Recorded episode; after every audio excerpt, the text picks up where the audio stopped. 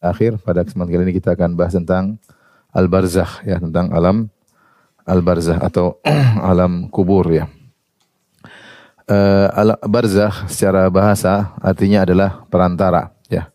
Perantara secara bahasa. Oleh karenanya Allah berfirman dalam Al-Qur'an, "Bainahuma barzakhun la yabghiyan" ya, bahwasanya di antara kedua lautan tersebut ada batasan. Barzakh artinya batasan. Demikian juga Allah berfirman, "Wa mi waraihim barzakhun ila yaumi yub'atsun." Di hadapan mereka ada barzakh, yaitu ada penghalang sampai mereka dibangkitkan, yaitu alam barzakh. Kenapa disebut barzakh? Karena dia adalah alam perantara antara alam dunia dengan alam hari akhirat, yaitu atau alam uh, hari kiamat ya. Maka jika seorang meninggal dunia, dia masuk dalam alam tersebut. Dia masuk dalam alam tersebut, setelah meninggalkan alam dunia, masuk dalam alam barzah, menunggu sampai ditegakkan hari kiamat. Ya, alam di antara alam dunia dan alam hari kebangkitan disebut dengan alam barzah. Hanya saja banyak dalam dalil disebut dengan alam kubur. Kenapa disebut dengan alam kubur? Ditinjau dari kebanyakan orang kalau meninggal di kubur. Makanya disebut dengan alam kubur. Padahal seandainya pun tidak dikubur, dia akan masuk dalam alam barzakh, alam perantara tersebut ya. Sebagai contoh, uh, Fir'aun Fir'aun dia tidak dikubur ya. Dia meninggal dan tidak dikubur dan ketika tenggelam di Laut Merah jasadnya diselamatkan. Allah berfirman, "Fal yauma nunajjika bi badinika litakuna liman khalfaka ayah." Maka pada uh, hari ini kami selamatkan jasadmu supaya menjadi pelajaran bagi orang-orang setelahmu ya. Jasanya selamat. Konon mumi yang ada sekarang di antara mumi Fir, Firaun. Dan banyak Firaun Firaun yang dimumikan. Ya jasadnya tidak dikubur. Akan tapi meskipun tidak dikubur mereka Firaun dan bala tentaranya sudah masuk dalam namanya alam alam barzah alam barzah nanti akan kita sebutkan dalilnya. Demikian juga jika ada manusia yang terbakar misalnya sehingga jasadnya habis di apa dikramasi kemudian jasadnya habis atau jasadnya dibakar kemudian ditebarkan di udara maka tetap saja ya dia masuk dalam alam barzakh ya. E, kemudian juga misalnya ada manusia dimakan oleh hewan, dimakan oleh hewan, hewan tersebut dimakan lagi oleh hewan yang lain, tetap saja dia masuk dalam alam barzakh. Jadi yang benar penamaan adalah alam barzakh, adapun alam kubur ditinjau dari kebanyakan manusia di kubur. Namun jika seorang tidak dikubur, tetap saja dia masuk dalam alam barzakh. Alam barzakh inilah persinggahan pertama dalam uh, dalam manzilah-manzilah persinggahan-persinggahan di akhirat ya. Ya, persinggahan-persinggahan di di akhirat. Siapa yang di alam ini diberi kemudahan, maka uh, selanjutnya lebih mudah. Dan siapa yang di alam ini mengalami kesulitan, yang setelahnya lebih susah lagi. Dalam hadis dari Maula Utsman, beliau berkata, "Kana Utsman idza waqafa ala qabrin baka hatta yabulla lihyatahu." Adalah Utsman bin Affan kalau berdiri di atas kuburan maka beliau pun menangis sampai uh, janggut beliau pun basah. Faqila lahu tuzkarul jannah wan nar fala tabki disebutkan surga dan neraka engkau tidak menangis. Wa tabki min hadza tapi kau menangis ketika melihat kuburan. Faqala maka Utsman berkata inna Rasulullah sallallahu qala sungguhnya Rasulullah sallallahu bersabda innal qabra awwalu manzilin min manazilil akhirah. Sungguhnya surga itu adalah tahapan atau persinggahan pertama daripada tahapan-tahapan akhirat. Fa inna minhu fama ba'dahu aisar minhu. Siapa yang jika selamat dari persinggahan ini tahapan berikutnya lebih mudah. Wa illam yanju minhu fama ba'dahu asyad. Siapa yang tidak selamat dari tahapan ini maka tahapan berikutnya lebih lebih sulit. Ya. Qala wa qala Rasulullah sallallahu alaihi wasallam Rasulullah sallallahu pernah bersabda, "Ma ra'aitu manzaran qat illa al-qabr afdha minhu." Aku tidak pernah melihat suatu pemandangan yang lebih mengerikan daripada kuburan. Inilah persinggahan yang kita semua akan menyinggahinya ya. Kita akan uh, apa namanya sampai pada tahapan tersebut. Makanya Allah berfirman dalam Al-Qur'an, "Alhaakumut takatsur hatta zurtumul maqabir." Kata Allah, kalian telah terlalaikan dengan sikap berbanyak-banyakan harta, berbanyak-banyakan uh, jabatan dan yang lainnya Kalian tidak akan berhenti hatta zurtumul maqabir sampai kalian ziarah kubur. Maksudnya ziarah kubur itu kalian menempati kuburan. Yaitu masuk dalam kuburan. Maksudnya sampai kalian di di kubur. Tapi Allah menamakan seorang di kubur dengan ziarah sebagai isyarat dia akan pergi meninggalkan kuburan menuju pada tahapan berikutnya. Sehingga keberadaan seorang di kuburan disebut dalam Al-Qur'an hatta zurtumul maqabir sampai kalian ziarah dalam kuburan maksudnya kalian masuk dalam kuburan dalam waktu tertentu yaitu alam barzah, kemudian kalian beranjak pada tahapan uh, berikutnya. Oleh karenanya, itulah nasihat yang paling mengena dari Allah Subhanahu wa taala untuk kita semua. Alhaakumut takatsur, kalian telah terlalaikan dengan sikap berbanyak-banyakan. Apa yang kita miliki belum merasa cukup sehingga kita berlomba lagi berbanyak-banyakan. Nanti baru bisa berhenti kalau seorang sudah masuk dalam liang liang lahat. Makanya kata Nabi wasallam, "Lau kana li Adam wadiyani min dhahab, Labtago salisan. Seandainya seorang anak Adam diberi dua uh, lembah berisi emas untuk dia semuanya, sungguh dia akan mencari lembah emas yang ketiga. Wa ma yamla'u ibna Adam jaufahu illa turab dan dia tidak akan merasa puas sampai mulutnya dipenuhi dengan tanah baru dia berhenti dan itulah sifat sifat manusia. Maka kita hendaknya ngerem diri kita jangan jangan terbawa dengan dunia yang akan kita tinggalkan. Sungguhnya ini hanyalah tahapan pertama uh, dari fase-fase kehidupan, setelah fase janin, kemudian fase kehidupan dunia, kita akan masuk fase, fase berikutnya, fase alam barzah yang bisa jadi sangat berbeda dengan apa yang kita jalani sekarang. Sekarang ini ada orang yang mungkin kaya raya, terkenal, pejabat, begitu dia masuk fase berikutnya ternyata dia paling terhina. Bisa jadi demikian. Ada orang yang mungkin sekarang di fase dunia direndahkan, tidak punya apa-apa, begitu dia masuk dalam fase kehidupan berikutnya yang lebih panjang ternyata dia dimuliakan. Maka seorang berusaha mulia di dunia dan mulia di akhirat ya. Maka jangan terlalu sibuk menyiapkan prasarana dan segala untuk fase kita. Fase kita kita tinggalkan. Kita juga harus sibuk untuk menyiapkan untuk kehidupan kita berikutnya yaitu di fase alam barzah agar kita mendapatkan nikmat kubur di fase kehidupan berikutnya. Taib, uh, kita akan bicara tentang barzah. Jadi barzah atau alam alam perantara tadi ada beberapa kejadian lihat lihat halaman 54 ada namanya kegelapan ya.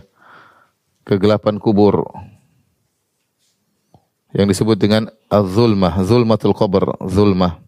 Kemudian yang kedua uh, himpitan kubur. Himpitan kubur. Yang disebut dengan dhaktah atau dhammah. Al-dhaktah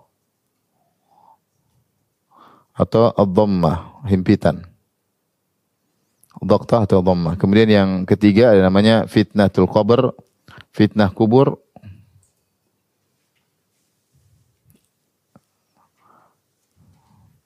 Fitnatul qabr. Kemudian yang terakhir nikmat atau adab kubur. Nikmat atau azab kubur.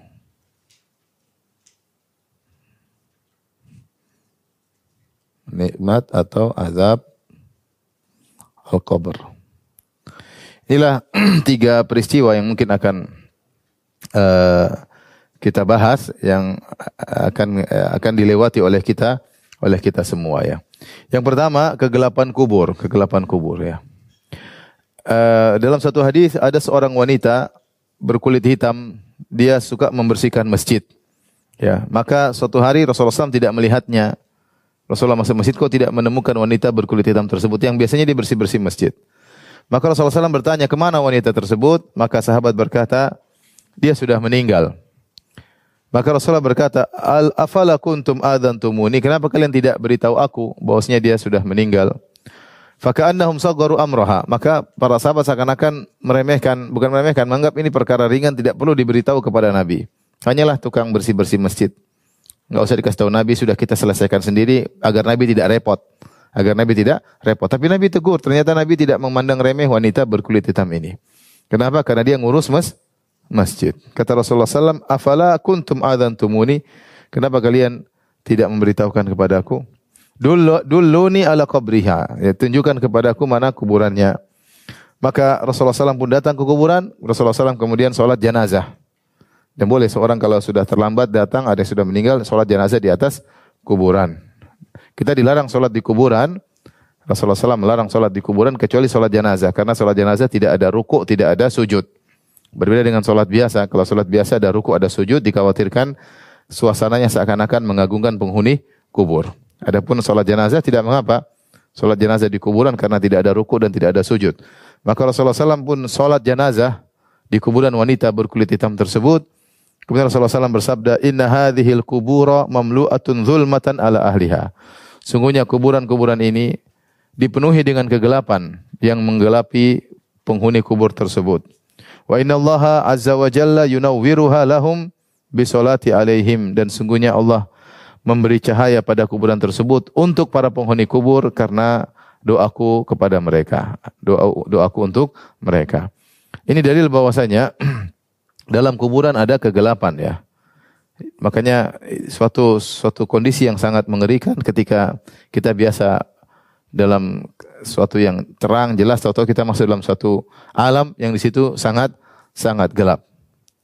Maka di antara doa yang Rasulullah SAW ajarkan adalah meminta agar penghuni kubur diberi cahaya. Tadi Rasulullah SAW doakan wanita pembersih masjid tersebut untuk diberikan cahaya oleh Allah kepada kepadanya di alam barzah. Kemudian juga ketika Rasulullah SAW uh, melayat Abu Salamah, Abu Salamah radhiyallahu anhu ketika meninggal dunia, maka Rasulullah SAW pun mendoakan Abu Salamah sebelum dikubur. Kata Rasulullah SAW, Allah maghfir li Abi Salamah. Ya Allah, ampunilah Abu Salamah warfa darajatahu fil mahdiyin dan tinggikanlah derajatnya bersama orang-orang yang mendapatkan petunjuk. Wa fi aqibihi fil ghabirin. Jadikanlah penggantinya bagi orang-orang yang ditinggalkannya. Waghfir lahu waghfir lana wa lahu ya rabbal alamin. Ampunilah kami dan ampunilah dia wahai penguasa alam semesta. Wafsah lahu fi qabrih dan berilah lapangkanlah kuburannya wa nawwir lahu fi dan berilah cahaya dalam kuburannya. Maka kalau kita mendoakan orang tua jangan lupa kita bilang ya Allah nawwir lahum fi kuburihim ya Allah berilah cahaya bagi kuburan orang tua kami, bagi saudara-saudara kami. Wafsah lahum qabrahum ya Allah lapangkanlah uh, apa namanya kuburan mereka karena di alam tersendiri mereka diberi tempat di alam barzah itu alam tersendiri yang alam tersebut gelap gelap ya. Oleh karenanya di antara Eh, kesengsaraan seorang dalam kuburan dia bersendirian dia dia bersendirian dalam kegelapan adalah sesuatu yang tidak mengenakan sesuatu yang tidak mengenakan. Oleh karena para ulama menjelaskan memberi wasiat kepada kita untuk membiasakan diri bersendirian agar ketika kita di alam barzah kita terbiasa bersendiri. Jadi kita mencari kebahagiaan dengan banyak cara. Kebahagiaan dengan bersama-sama teman oke. Okay. berkumpul-kumpul. Kebahagiaan dengan sama keluarga oke. okay dan carilah kebahagiaan dengan bersendirian. Latih diri kita bahagia dengan baca Quran sendiri tidak ada yang tahu. Latih diri kita bahagia dengan sholat malam ketika sendirian. Ketika etikaf latih, latih kebahagiaan dengan baca buku sendiri tanpa ada yang bersama kita. Maka di sana ada ibadah-ibadah yang melatih seorang untuk berkhalwat sebagaimana Ibnu Qayyim jelaskan, seperti sholat malam, seperti etikaf, ya. Jadi kita biasakan diri kita untuk bahagia dalam kesendirian. Jangan tergantung dengan orang. Seorang yang bisa bahagia sendiri, dia bersama Allah, maka itu kelezatan tersendiri. Dia dia tidak butuh apa namanya terlalu banyak berinteraksi dengan banyak orang karena dia sudah bisa meraih kebahagiaan dalam kesendiriannya. Kenapa? Nanti kita di kuburan sendiri dalam kegelapan. Ya, dalam kegelapan. Tidak ada yang mau ikut kita dikuburkan bersama. Suami yang katanya cinta mati, hidup semati, ternyata tidak hidup semati, cuma apa? hidup bersama, semati berbeda. hidup bersama tidak tidak semati. Sehidup semati ternyata cuma sehidup doang, semati tidak ya. Omong kosong ya. Omong kosong. Jangan percaya. Gombal itu bapak-bapak yang bilang begitu. Apalagi ibu-ibu. Oleh karenanya masing-masing harus siapkan dirinya ya. Dia akan bersendirian dalam tersebut anak-anak tidak. Kita sendiri aja kadang-kadang kita merasa keterasingan, merasa Gak enak, pengen bertemu orang. Tapi nanti kita akan berlama-lama dalam alam tersebut. Tapi ini di antara kejadian yang terjadi dalam alam kubur adalah kegelapan. Yang berikutnya disebut dengan dhamma atau doktoh, yang artinya himpitan, himpitan kubur. Uh, Rasulullah SAW bersabda, Inna lil qabri doktotan. Sungguhnya dalam kuburan ada himpitan. Walau kana ahadun najian minha, naja minha Sa'ad bin Mu'adh. Sungguhnya di kuburan itu ada himpitan. Seandainya ada seorang yang selamat darinya, tentu Sa'ad bin Mu'ad akan selamat. Radiyallahu anhu. Ternyata Sa'ad bin Mu'ad tidak selamat. Ternyata Sa'ad bin Mu'ad tidak selamat. Siapa Sa'ad bin Mu'ad? Sa'ad bin Mu'ad seorang yang mulia. Yang pimpinan kaum Al-Aus. Kita tahu kaum Al-Ansar. Al-Ansar terdiri atas dua suku. Suku Al-Aus dan suku Al-Khazraj. Suku Al-Khazraj dipimpin oleh Sa'ad bin Ubadah. Suku Al-Aus dipimpin oleh Sa'ad bin Mu'ad radhiyallahu taala anhu yang dia ketika perang Khandak terkena panah di tangannya sehingga dia pun meninggal gara-gara panah tersebut yang mengenai tubuhnya. Dia mati syahid. Dan sebelum meninggal dia sempat berhukum kepada Bani Quraidah yang kata Nabi SAW telah berhukum uh, saat dengan hukum Allah Subhanahu wa taala. Hukum yang dia tetapkan sesuai dengan hukum Allah Subhanahu wa taala. Itu yaitu Nabi memuji dia. Nabi memuji dia. Dia mati syahid. Yang kedua dia sempat berhukum terhadap Bani Quraidah dengan hukum yang disepakati oleh Allah Subhanahu wa taala sampai Nabi berkata ihtazza arsyur rahman li mauti Sa'ad. Sungguhnya arsy Allah bergetar karena wafatnya Sa'ad bin Mu'adz artinya dia orang yang uh, soleh dan bertakwa sehingga arsy, arsy, arsy Allah bergetar karena wafatnya. Itu pun dia tidak selamat dari himpitan kubur. Nah himpitan kubur ada dua. Dua model. Yang pertama untuk orang beriman untuk beriman di antaranya di antaranya menimpa saat. Menimpa Sa'ad bin Mu'adz. Radhiyallahu taala anhu. Yang kedua untuk orang kafir.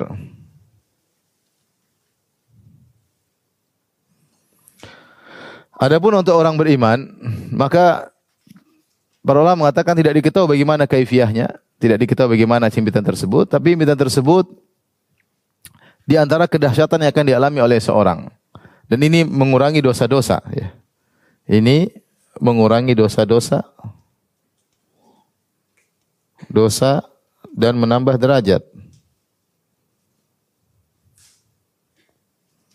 Menambah derajat sebagaimana kedahsyatan-kedahsyatan yang dialami sebelumnya seperti sakratul maut. Sakratul maut juga dialami oleh yang beriman atau tidak? Yang beriman. Himpitan uh, himpitan kubur, kemudian uh, fitnah kubur ya. Kemudian ketika dibangkit dalam kondisi mengerikan. Ini semua kedahsyatan disebut dengan ahwal. Ahwal hal-hal yang haul, yang mengerikan yang dialami oleh seorang dalam fase kehidupan berikutnya. Ini semua mengurangi dosa-dosa dan meninggikan apa? derajat jika yang dialami oleh orang beriman. Hanya saja bagaimana himpitan tersebut tidak diketahui. Bagaimana tidak diketahui. Cuma dikatakan himpit yang menghimpit. Ya. Berbeda dengan himpitan yang dialami oleh orang kafir, maka ini berupa siksaan. Kalau yang orang kafir maka merupakan siksaan.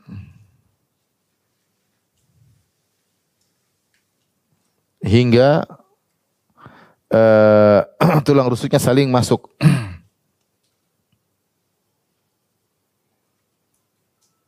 saling apa?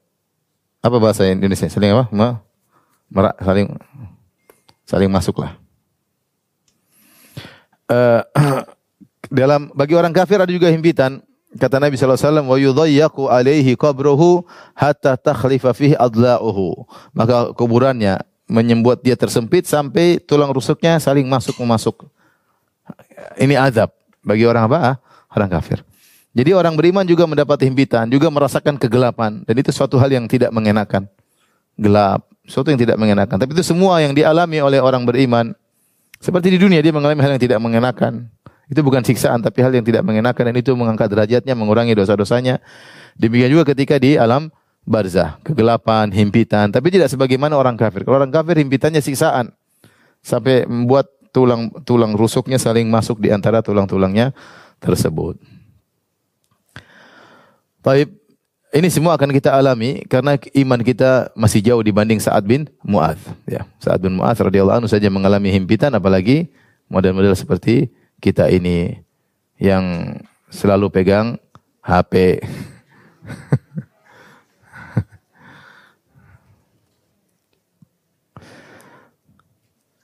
Taib, kita bahas selanjutnya tentang fitnah kubur, tentang fitnah kubur. Poin yang ketiga, ya ini kita sudah selesai. pertama, yang kedua sudah selesai. Sekarang kita poin yang ketiga, fitnah kubur. fitnah secara bahasa artinya ujian. Fitnah secara bahasa artinya apa? Ujian. Dalam Al-Quran banyak sekali ya. Wa nabluukum bisyarri wal khairi fitnah dan kami menguji kalian dengan kebaikan dan keburukan sebagai apa? Fitnah. Alif lam mim ahasiban nasu ayyutraku ayyakulu amanna wa hum la yuftanun. Uh, alif lam mim apakah manusia menyangka mereka dibiarkan berkata kami telah beriman, dibiarkan mengaku-ngaku berkata kami telah beriman, lantas mereka tidak difitnah, tidak diuji. Walaqad fatanna alladziina min qablihim Fala ya'lamanna Allahu alladhina sadaqu wa la ya'lamal kadzibin. Sungguh kami telah memfitnah, kami telah menguji orang-orang sebelum mereka agar Allah benar-benar tahu mana di antara mereka yang imannya benar dan mana di antara mereka yang imannya palsu. Oleh karenanya fitnah yang dimaksud fitnah kubur maksudnya adalah ujian. Ujian maksudnya pertanyaan mungkar dan nakir. Fitnah tadi artinya apa? Ujian, yaitu pertanyaan mungkar dan nakir.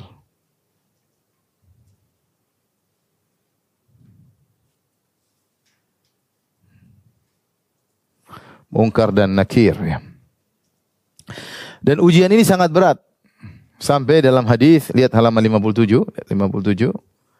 Rasulullah SAW bersabda, "Uhiya ilayya annakum tuftatun tuftanuna fi kuburikum." Diwahyukan kepadaku bahwasanya kalian akan diuji di kuburan kalian.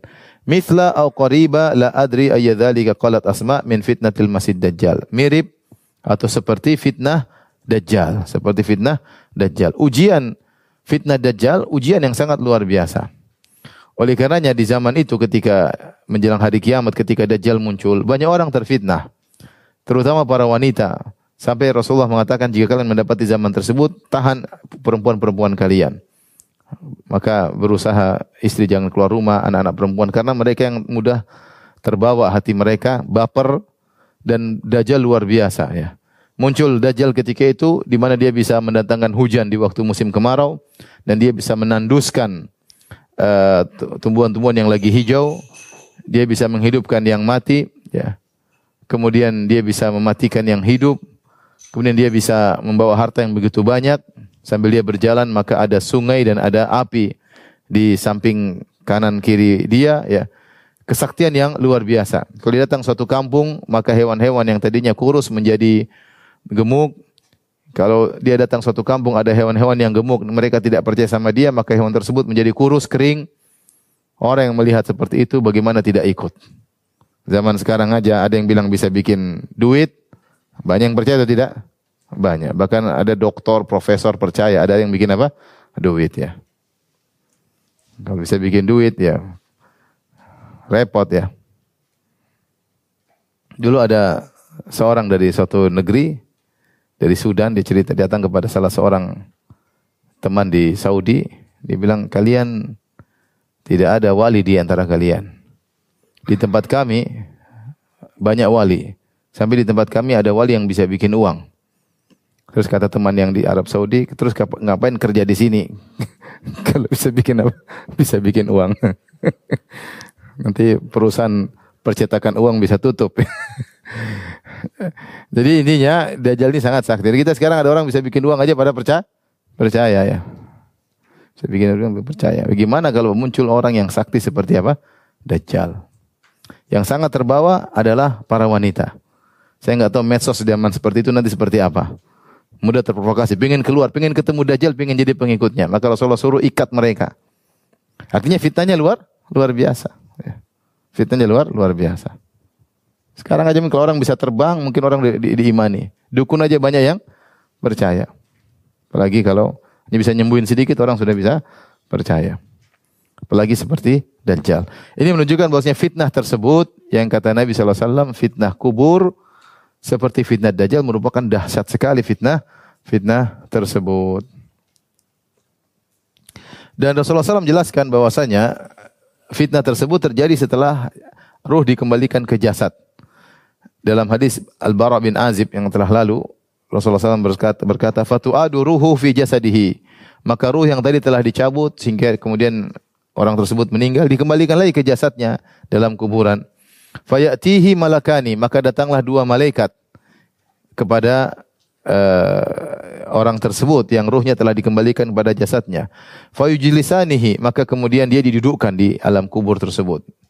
Di alam barzah. Ingat ya alam barzah ini alam tersendiri. Jangan kita bayangkan dalam kuburan ya. Di alam tersendiri memang dalam dia posisi dalam kuburan tapi tidak seperti makanya ada yang luas, ada yang ini tidak seperti maksudnya bukan alam nyata. Bisa jadi secara fisik physically dia cuma kecil, tapi ternyata dalam fisik tersebut alamnya ter tersendiri, paham? Dia alam tersendiri. Jadi seperti alam mimpi beda dengan alam nyata, paham? Alam mimpi, alam tidur beda dengan alam ini. Sama alam alam nyata beda dengan alam apa? Alam barzah beda. Alam sebagaimana kita hanya mengalami alam mimpi dalam tidur, tapi alamnya ter tersendiri, bukan alam ini. Ada alam sendiri, beda. Demikian juga orang ketika dikubur, dikubur atau tidak dikubur setelah mati dia punya alam tersendiri. Namanya alam barzah, namanya alam barzah.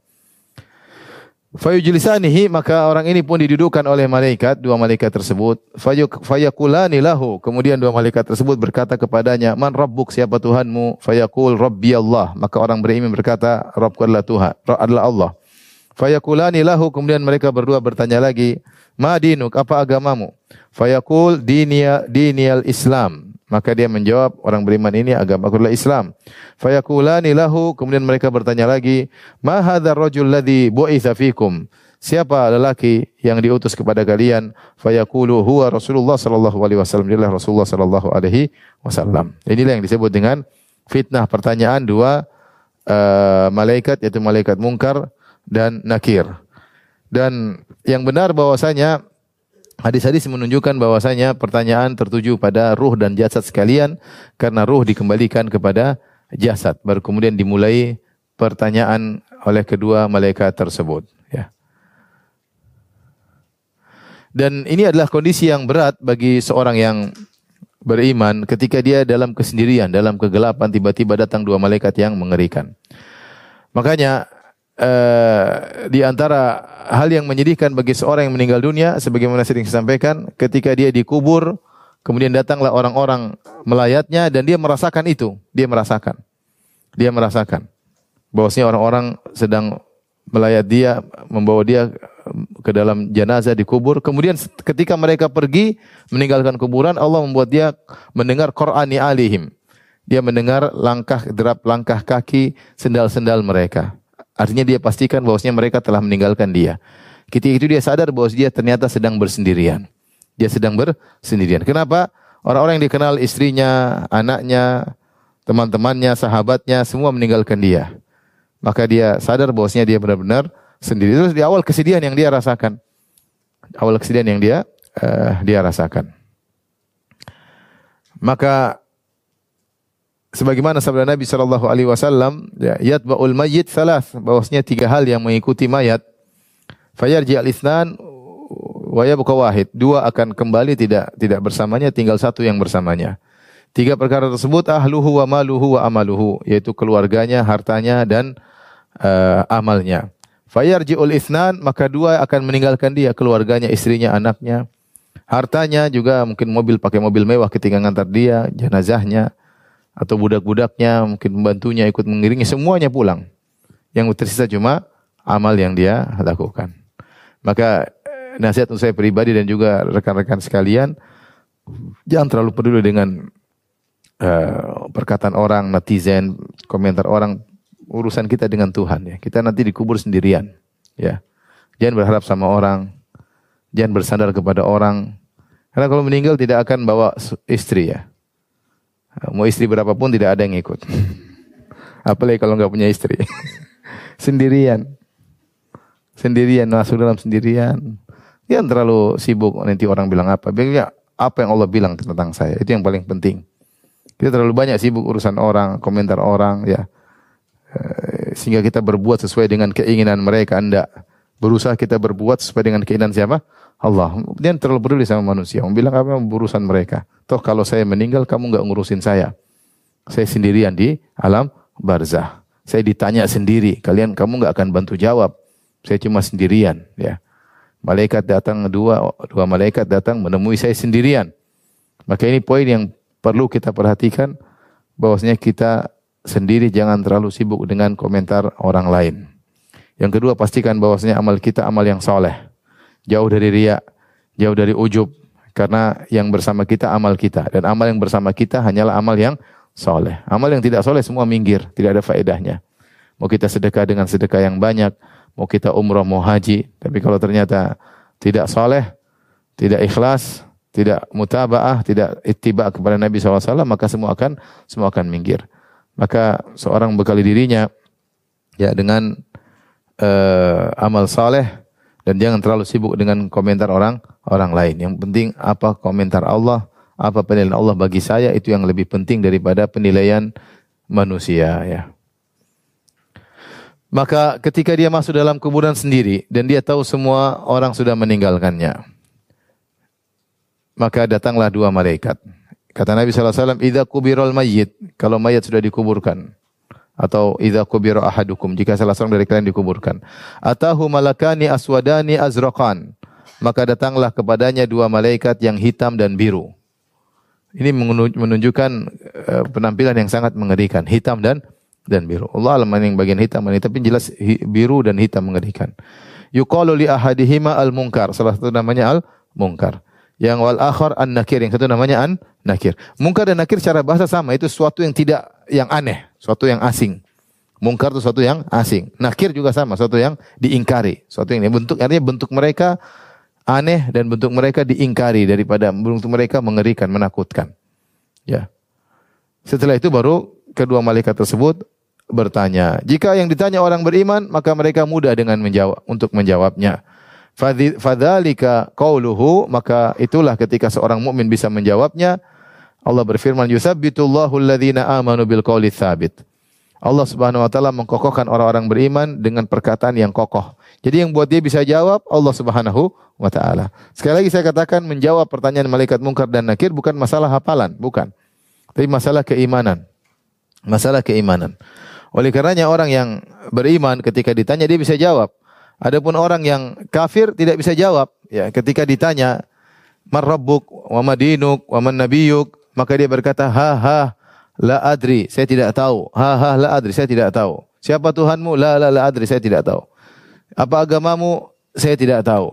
Siapa itu yang diutus kepada kalian? Sami'tu nas yaqulun Aku la la la adri, ha la adri. Dia bilang orang-orang mengatakan sesuatu dan saya pun tidak tahu. Jadi tidak padahal kita tahu orang kafir sekarang banyak tahu kalau ditanya sekarang misalnya dia pura-pura beriman siapa Tuhanmu dia bisa jawab Allah. Mereka tahu nggak Tuhan kita namanya Allah? Tahu. Mereka tahu nggak agama kita namanya Islam? Tahu. Mereka tahu nggak Nabi kita Nabi Muhammad? Mereka tahu. Tapi kalau ketika di alam barzah mereka nggak bakalan bisa jawab karena ini masalah jawaban dengan keimanan bukan masalah hafalan. Ya. File dibuat hilang oleh Allah Subhanahu wa taala. Makanya orang munafik ketika ditanya dia bilang, "Ha ha sami'tu nas." Saya dengar orang pernah bilang, dia berusaha untuk mengingat tapi nggak bisa. Ini suatu hal yang sangat menyakitkan. Ya, sesuatu yang yang dia pernah tahu kemudian dibuat lupa filenya oleh Allah. Sementara kalau tidak bisa jawab ditentung sama malaikat mungkar dan nakir. Jadi dia, dia, dia kalau tidak tahu sama sekali lebih ringan. Ini dia pernah tahu dia berusaha cari tahu tapi tidak dapat dapat file tersebut. Dia berusaha ingat tapi tidak tidak ketemu filenya. Ya. Jadi ini jawabanlah dengan keimanan. Ketika seorang mukmin ditanya dan dia bisa jawab, maka ada yang menyeru, "Sadaqa abdi." Sungguh benar hambaku. Fa'afrishu minal jannah. Maka hamparkanlah permadani untuknya dari surga. Waftahu lahu baban ilal jannah. Bukalah pintu menuju surga. Ada lorong yang menyambungkan alam barzah dan alam surga. Ini menunjukkan surga sudah ada. Cuma bagaimana lorong tersebut kita nggak tahu. Bagaimana channel tersebut dari sur dari alam barzah menuju surga kita tidak tahu. Ya. Uh, kemudian wa albisuhu minal jannah, maka berilah pakaian dari surga. Fayatihi min rauhiha wa tibiha. Maka sa sa sampailah kepada dia angin surga dan wanginya surga. Sementara dia di alam bar barzah.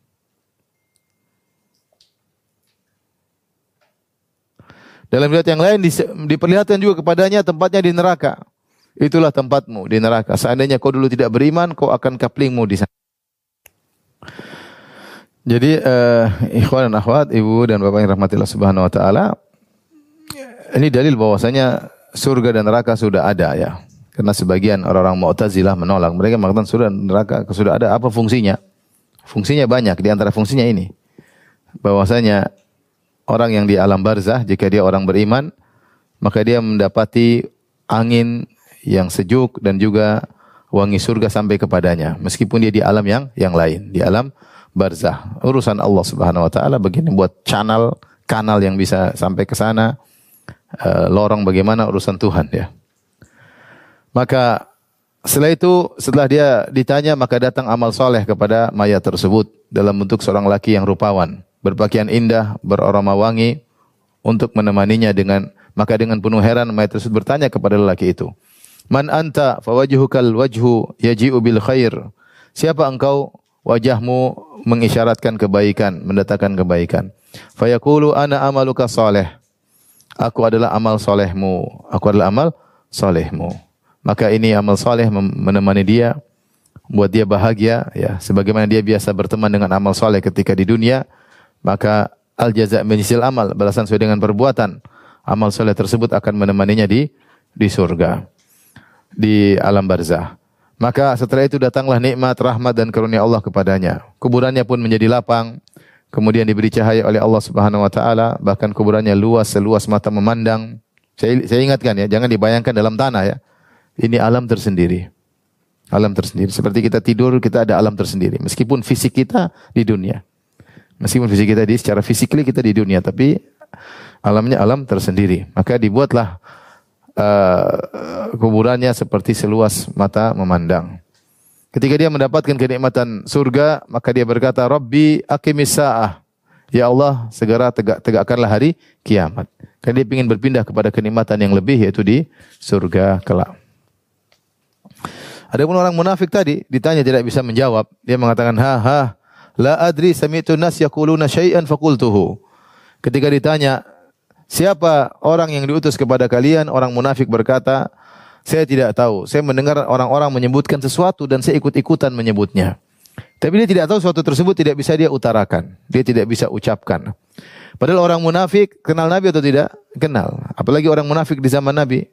Mereka sholat bersama Nabi, mereka berjihad bersama Nabi, mereka tinggal uh, sekampung dengan Nabi. Tapi ketika ditanya, file mereka hilang. File mereka hilang. Dia bilang ada, saya orang-orang bilang, bilang sesuatu, saya ikut-ikutan, tapi dia nggak bisa jawab.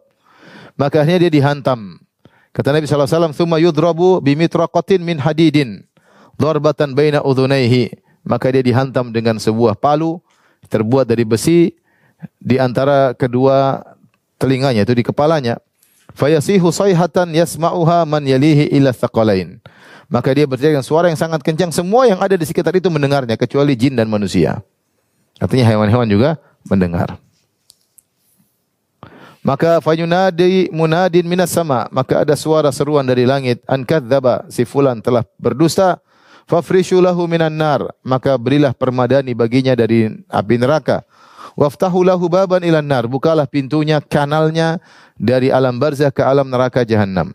Fayatihi min harriha wa samumiha maka datanglah panasnya dan angin yang panas dari neraka tersebut mengenainya. Wa yudayyaqu alaihi qabru hatta takhtalifa fi adla'uhu. Maka disempitkanlah kuburannya sampai tulang rusuknya saling masuk di antara satu dengan yang lainnya. Wa ya'tihi rajulun qabihul wajhi. Kemudian datang kepadanya seorang yang wajahnya garang, tidak baik, qabihul siap, pakaian yang tidak baik, muntinur rih, baunya sangat busuk. Fa yaqulu abshir billadhi yasu'uka. Orang ini yang berbau busuk berkata kepadanya, selamat dengan perkara yang akan tidak menyenangkanmu. Hada yaumuka alladhi kunta tu'ad. Inilah hari yang pernah dijanjikan kepadamu. Fayaqulu dia bertanya, "Man anta? Siapa engkau?" Fawajuhukal wajhu yaji'u bisyarr. Wajahmu mendatangkan keburukan. Fayaqulu ana amalukal khabith. Aku adalah amal keburukanmu ketika di dunia. Fayaqulu rabbi la tuqimis sa'ah. Maka dia berkata, "Ya Allah, jangan tegakkan hari kiamat. Biarkan aku di sini terus." Ya. Biarkan aku di sini, di sini terus. Inilah kondisi yang disebut dengan fitnah kubur. Jadi fitnah kubur itu adalah ujian yang dibangun di atas ujian tersebut, di balik ujian tersebut nikmat atau azab. Siapa yang bisa lolos dari ujian tersebut dia akan mendapatkan nikmat kubur. Siapa yang tidak lolos maka dia mendapatkan azab azab kubur. Taib lihat halaman 65. Siapakah orang-orang yang selamat dari fitnah kubur? Ada orang-orang yang dikecualikan dari fitnah kubur. Dalam satu hadis Rasulullah SAW pernah ditanya, Ya Rasulullah, ma balul mu'minina yuftanuna fi kuburihim illa syahid. Ya Rasulullah, kenapa orang-orang beriman diuji dalam kuburan mereka kecuali orang yang mati syahid? Ini menunjukkan orang mati syahid tidak di tidak ditanya oleh malaikat mungkar dan nakir. Apa jawaban Nabi SAW? Kafa bibari qatis suyuf ala ra'sih fitnah. Cukuplah kilatan cahaya pedang di atas kepalanya merupakan ujian baginya. Sehingga orang yang mati syahid tidak ditanya oleh malaikat mungkar dan nakir. Kenapa dia sudah difitnah sebelumnya, sudah diuji sebelumnya dengan ujian kilatan-kilatan pedang yang siap menyambar kepalanya setiap saat. Sehingga itu sudah cukup baginya kata Nabi sallallahu alaihi wasallam. Nah, jika para syuhada tidak difitnah dengan fitnah kubur, maka yang lebih tinggi dari dari mereka juga tidak seperti siddiqin dan juga para anbiya, para rasul, mereka tidak akan ditanya dalam alam barzah karena mereka yang jadi poin pertanyaan. Bukankah ditanya siapa yang diutus kepada kalian? Nabi ditanya atau jadi bahan pertanyaan? Nabi bahan pertanyaan. Setiap kita akan ditanya, siapa nabi yang diutus kepada kalian? Kalau nabi kan tidak ada yang diutus kepadanya. Oleh karenanya nabi tidak akan ditanya para anbiya, para siddiqin, para syuhada, mereka tidak akan ditanya. Adapun orang mukmin di bawah para syuhada, mereka semua ditanya. Tingkatan orang-orang beriman yang paling tinggi adalah para nabi dan rasul, kemudian apa? Siddiqin, kemudian apa? Syuhada, kemudian solihin dan orang-orang beriman. Solihin orang beriman semuanya akan ditanya oleh malaikat mungkar dan nakir dalam alam barzah. Kemudian di antara orang yang tidak ditanya juga adalah orang yang mirip dengan syahid, yaitu orang yang meninggal dalam kondisi murabit. Murabit adalah berjaga di daerah perbatasan. Perbatasan antara areal kaum muslimin dengan areal musuh. Dan ini adalah tugas yang sangat berat. Bahkan terkadang lebih berat daripada medan jihad. Kalau medan jihad masuk ketemu dengan musuh. Kalau ini enggak, dia berjaga-jaga terkadang tiba-tiba ada tembakan nyasar anak panah dia tidak tahu musuh di mana. Dia sedang berada di daerah perbatasan dan orang dari perbatasan ini sering menjadi menjadi target karena untuk bisa masuk ke areal musuh, eh, yang penjaga di perbatasan juga harus disikat terlebih dahulu. Oleh karenanya mereka yang berjaga di daerah perbatasan, kalau mereka meninggal maka mereka juga tidak akan ditanya dalam alam barzah oleh mungkar dan nakir. Karena mereka menghadapi ujian yang berat, waspada setiap saat, bahkan terkadang lebih berat daripada orang yang sedang masuk dalam medan pertempuran yang tahu musuh di mana dan sudah siap siaga untuk berhadapan dengan dengan musuh. Makanya Rasulullah SAW pernah bersabda, Ribatu yaumin wa layla khairun min siyami syahrin wa qiyamihi. Berjaga di daerah perbatasan sehari semalam lebih baik daripada puasa sebulan penuh dan salat malam sebulan penuh. Wa in mata jara alaihi amaluhu alladhi kana ya'maluhu. Kalau dia meninggal dunia orang seperti ini yang daerah perbatasan, maka amalnya yang selalu yang yang dia kerjakan di dunia akan berjalan terus. Ini di antara amal jariah. Orang kalau ingin dapat amal jariah bekerja sebagai murabit. Itu berjaga dari perbatasan. Amal yang selalu dia lakukan seakan-akan dia masih hidup terus meskipun dia sudah meninggal dunia. Wa ujri ali rizquhu dan dia akan diberi rizki yaitu di alam barzah wa aminal fattan dan dia akan diamankan dari dua pemfitnah itu dua malaikat, malaikat mungkar dan dan nakir. Orang yang ketiga yang tidak di yang tidak ditanya oleh malaikat mungkar dan nakir adalah orang yang meninggal pada hari Jumat. Ini di antara tanda-tanda kebaikan. Ma min muslimin yamutu yaumal jum'ah aw lailatal jum'ah illa waqahu Allahu fitnatal qabr. Siapa yang muslim mana pun yang meninggal hari Jumat atau di malam Jumat, maka Allah akan menjaga dia dari fitnah kubur. Hadis ini dikatakan sahih oleh Syuaib Al-Arnaud, hadis riwayat Al-Imam Ahmad ya. Tentunya orang yang soleh yang meninggal hari Jumat atau malam Jumat ya. Kalau ada pemabok meninggal hari Jumat, ya, tetap ditanya ya, tetap di, ditanya ya. Ada pezina meninggal malam Jumat, ya kan setiap hari Jumat pasti ada yang meninggal, baik orang baik, orang baik maupun orang yang tidak tidak baik. Taib kita selesai dari poin yang ketiga. Sekarang kita masuk pada poin yang keempat yaitu terkait dengan nikmat atau adab kubur ya.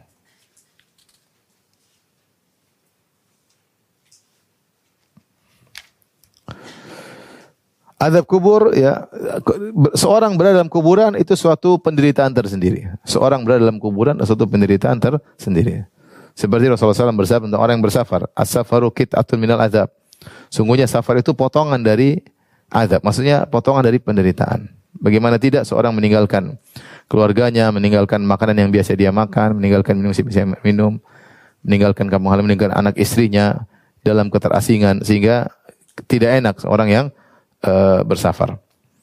Demikian juga seorang dalam kuburan, dia sudah merasakan ketidaknyamanan, dia sendirian, kemudian dia mengalami dhammah atau himpitan ya.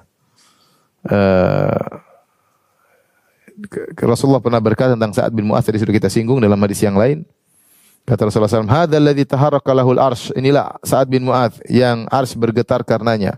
Wa futihat lau abu-abu sama ketika dia meninggal pintu-pintu langit terbuka untuk menyambut rohnya. Wa syahida wa syahida sab'una alfan minal malaikah dan 70 malaikat mensaksikannya. Laqad dumma dhammatan dia sendiri telah didapat merasakan himpitan kuburan. Summa furrija anhu kemudian dilepaskan himpitan tersebut. Keberadaan dalam alam barzah meskipun seorang beriman adalah sesuatu yang tidak mengenakan, tapi berbeda dengan siksaan, siksaan tersendiri ya. Siksaan kondisi yang lebih-lebih tidak menyenangkan lagi. Adapun dalil tentang siksa kubur maka sangat banyak. Di antaranya dalam Al-Qur'an yang kita bahas ya. Dalil tentang siksa kubur. Ada dua dari Al-Quran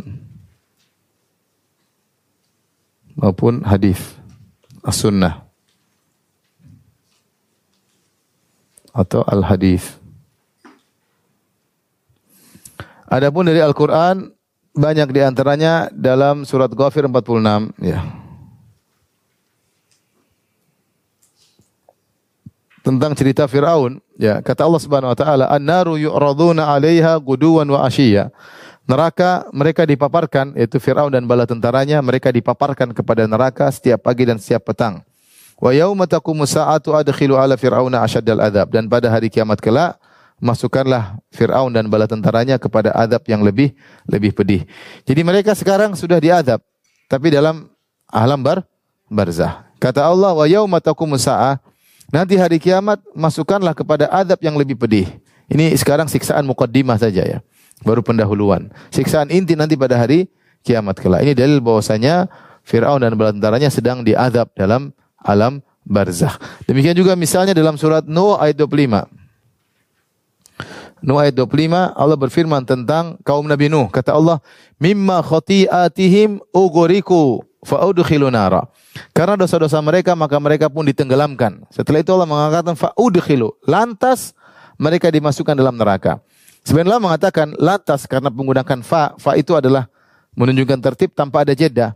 Begitu mereka ditenggelamkan, lalu lantas mereka dimasukkan dalam api. Maksudnya api di alam barzah. Di alam barzah juga ada api, tapi bukan api neraka, tapi api alam barzah. Ya. Jadi kaum Nuh juga sudah di, disiksa. Ya. Sekarang mereka sedang di, disiksa.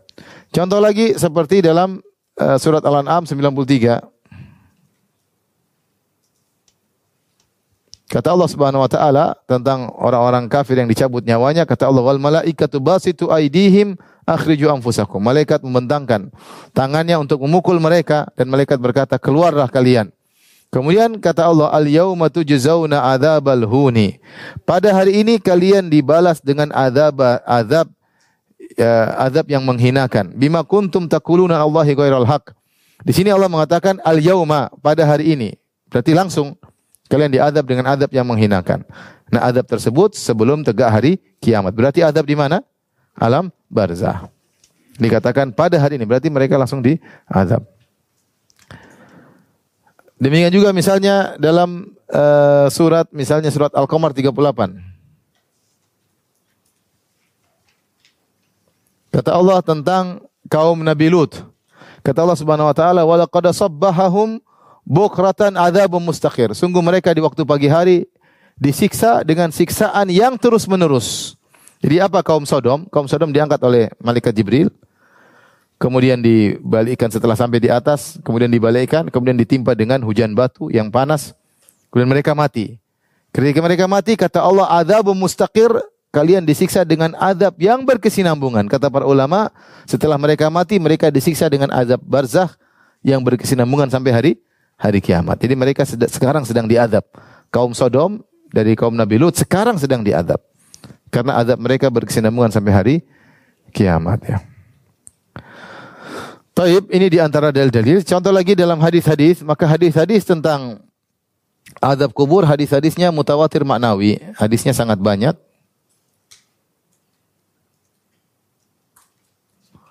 Banyak disebut dengan mutawatir maknawi.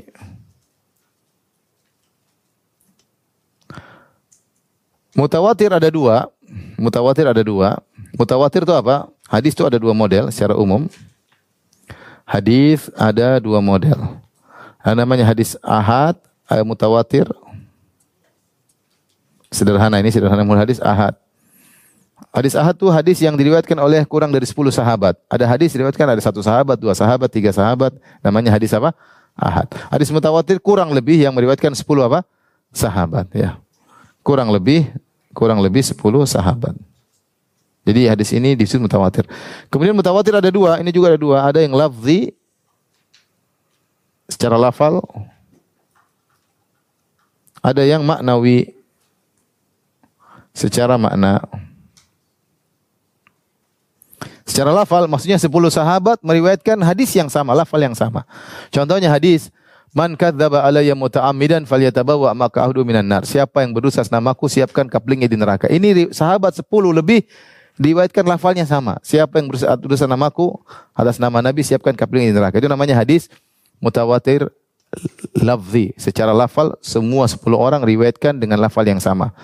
Kalau mutawatir manawi, lafalnya beda-beda, tetapi ada irisan di antara lafal-lafal tersebut mengandung makna yang sama. Di antaranya seperti hadis tentang alam barzah, tentang azab kubur. Suatu hadis ada Rasulullah berlindung dari azab kubur. Dalam satu hadis Rasulullah SAW bercerita, bercerita tentang adab kubur. Jadi hadis bermacam-macam ya. Tapi maknanya semua seputar adanya adab apa? Kubur. Sehingga hadis tentang adab adab kubur hadisnya mutawatir maknawi yang ini. Mutawatir maknawi. Ibu masih ingat apa bedanya mutawatir lafzi dan mutawatir maknawi? mutawatir maknawi itu dia lafalnya beda-beda tapi poinnya ada satu yang sama irisan dari semua lafal tersebut. Paham ya? Ada himpunan-himpunan banyak, ada irisan di antara seluruh himpunan, mereka bersepakat pada satu makna. Meskipun konteksnya beda-beda. Konteksnya sama-sama bercerita tentang azab di kubur. Meskipun satu berbicara tentang ini, satu berbicara tentang ini, tapi semua tentang azab kubur. Baik, lihat halaman 72, beberapa hadis-hadis tersebut saya sebutkan di situ. Contohnya Rasulullah SAW berdoa ya menyuruh kita berdoa sebelum salam untuk berlindung dari empat perkara. Kata Rasulullah SAW, jika salah seorang kalian selesai dari tasyahud, maka hendaknya dia minta perlindungan dari empat perkara. Min adabi jahannam, dari adab neraka jahannam. Wa min adabil kabar, dari adab kubur. Wa fitnatil mahya wal mamat, dari fitnah kehidupan kematian.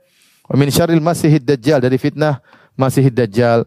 Ini dalil tentang adanya adab kubur. Rasulullah suruh kita berdoa untuk berlindung dari adab kubur. Hadis yang lain Tadi hadis Abu Hurairah. Hadis Aisyah radhiyallahu taala anha bahwasanya ada uh, seorang wanita Yahudiyah datang menemui Aisyah, kemudian wanita Yahudi ini bercerita tentang adab kubur. Ya. Kemudian dia berkata kepada Aisyah, "A'adzakillah min adzabil qabr." Semoga Allah melindungi engkau dari adab kubur wahai Aisyah. Maka Aisyah bertanya kepada Nabi, "Ada tadi wanita Yahudi bilang saya ada adab kubur, benar atau tidak?" Maka Rasulullah mengatakan, "Na'am, iya ada adab, adab kubur." Setelah itu Rasulullah SAW kalau sholat ta'awwadha min adabil kubur. Rasulullah SAW sendiri minta perlindungan dari Allah dari adab kubur ya. Contoh lagi hadis Rasulullah mendengar adab kubur. Ya, Rasulullah tentang mendengar adab kubur seperti Rasulullah SAW mengatakan uh, falaula falaula alla tadafanu la da'autullah an yusmi'akum min adzabil qabr alladhi asma'u minhu. Kalau bukan karena aku khawatir kalian takut saling menguburkan, tentu aku berdoa kepada Allah agar kalian bisa mendengar adab kubur yang aku dengar. Di Rasulullah dengar. Tapi kalian tidak dengar. Kalau kalian dengar adab kubur, kalian tidak mau nguburin teman, enggak mau. Enggak, enggak. Ya. Makanya kalian tidak usah dengar dan kalian tidak tahu. Jadi Rasulullah dengar adab kubur. Berarti ini adab kubur juga ada. Demikian juga dalam hadis yang lain Rasulullah kabarkan bahwasanya ada yang sedang diadab kubur. Suatu hari Rasulullah SAW melewati dua kuburan, kata Rasulullah SAW, Innahuma la yu'adzabani. Penghuni dua kubur ini sedang diadab. Wa ma yu'adzabani fi kabirin. Dan mereka berdua diadab bukan karena perkara yang besar, tapi mereka sepelekan. Yang satu ke sana kemari namimah, ngadu domba. Yang satu tidak bersih ketika kencing.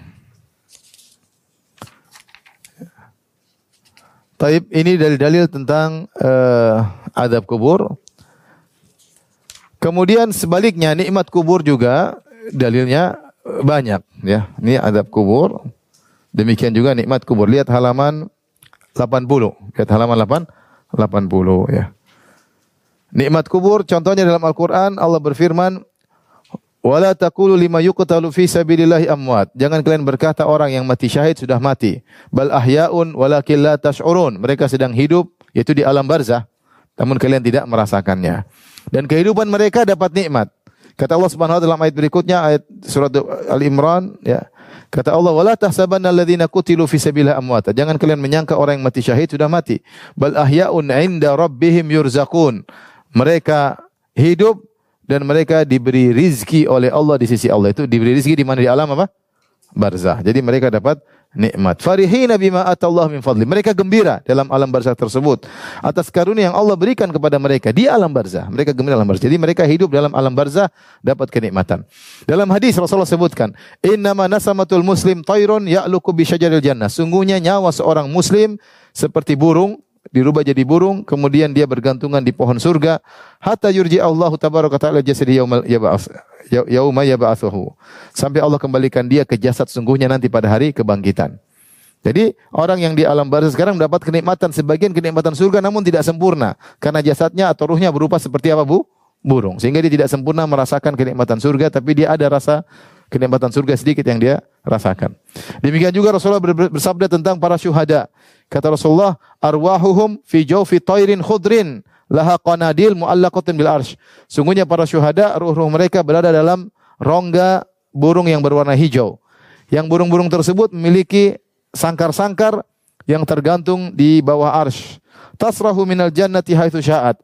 Yang burung-burung tersebut bertebangan di surga di mana pun mereka maui. Summa ta'wi ila tilkal qanadil. Kemudian kembali ke sangkar-sangkar tersebut. Para ulama mengatakan orang yang mati syahid dia telah merelakan raga dia untuk Allah Subhanahu wa taala, maka Allah berikan raga raga pinjaman di alam barzah untuk bisa menikmati sedikit surga tapi tidak sempurna kenikmatan tersebut. Kapan sempurnanya? Jika raga mereka dikembalikan lagi pada hari kiamat. Ini menunjukkan bahwasanya mereka uh, mendapatkan nikmat di alam barzah ya.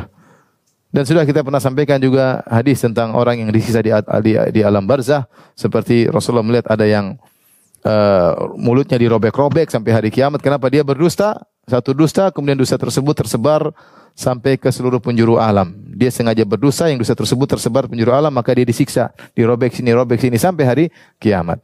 Kemudian ada wanita pezina, laki pezina disiksa di atas dalam tanur, dipanasin sehingga mereka berteriak-teriak. Itu di alam barzah. Ada juga pemakan riba, dia seperti berenang di sebuah uh, sungai yang yang berisi darah. Kemudian setiap dia mau menepi dilempar kepalanya dengan apa? Dengan batu sehingga dia mundur-mundur sampai hari hari kiamat. Demikian ada orang yang baca Al-Qur'an tapi dia tidak amalkan. Tidak amalkan maka dia disiksa sampai hari kiamat. Jadi inilah uh, Bapak dan Ibu yang rahmatillah subhanahu wa taala tentang uh, beberapa perkara dalam alam barzah. Jadi sudah disebutkan di antaranya ada zulmah kegelapan, ada himpitan, ada fitnah kubur dan ada nikmat dan azab kubur. Semoga Allah melindungi kita dari azab kubur. Tidak tahu. Tanya sama dia. Baik demikian saja. Subhanakallah bihamdik asyhadu an la ilaha illa anta Assalamualaikum warahmatullahi wabarakatuh.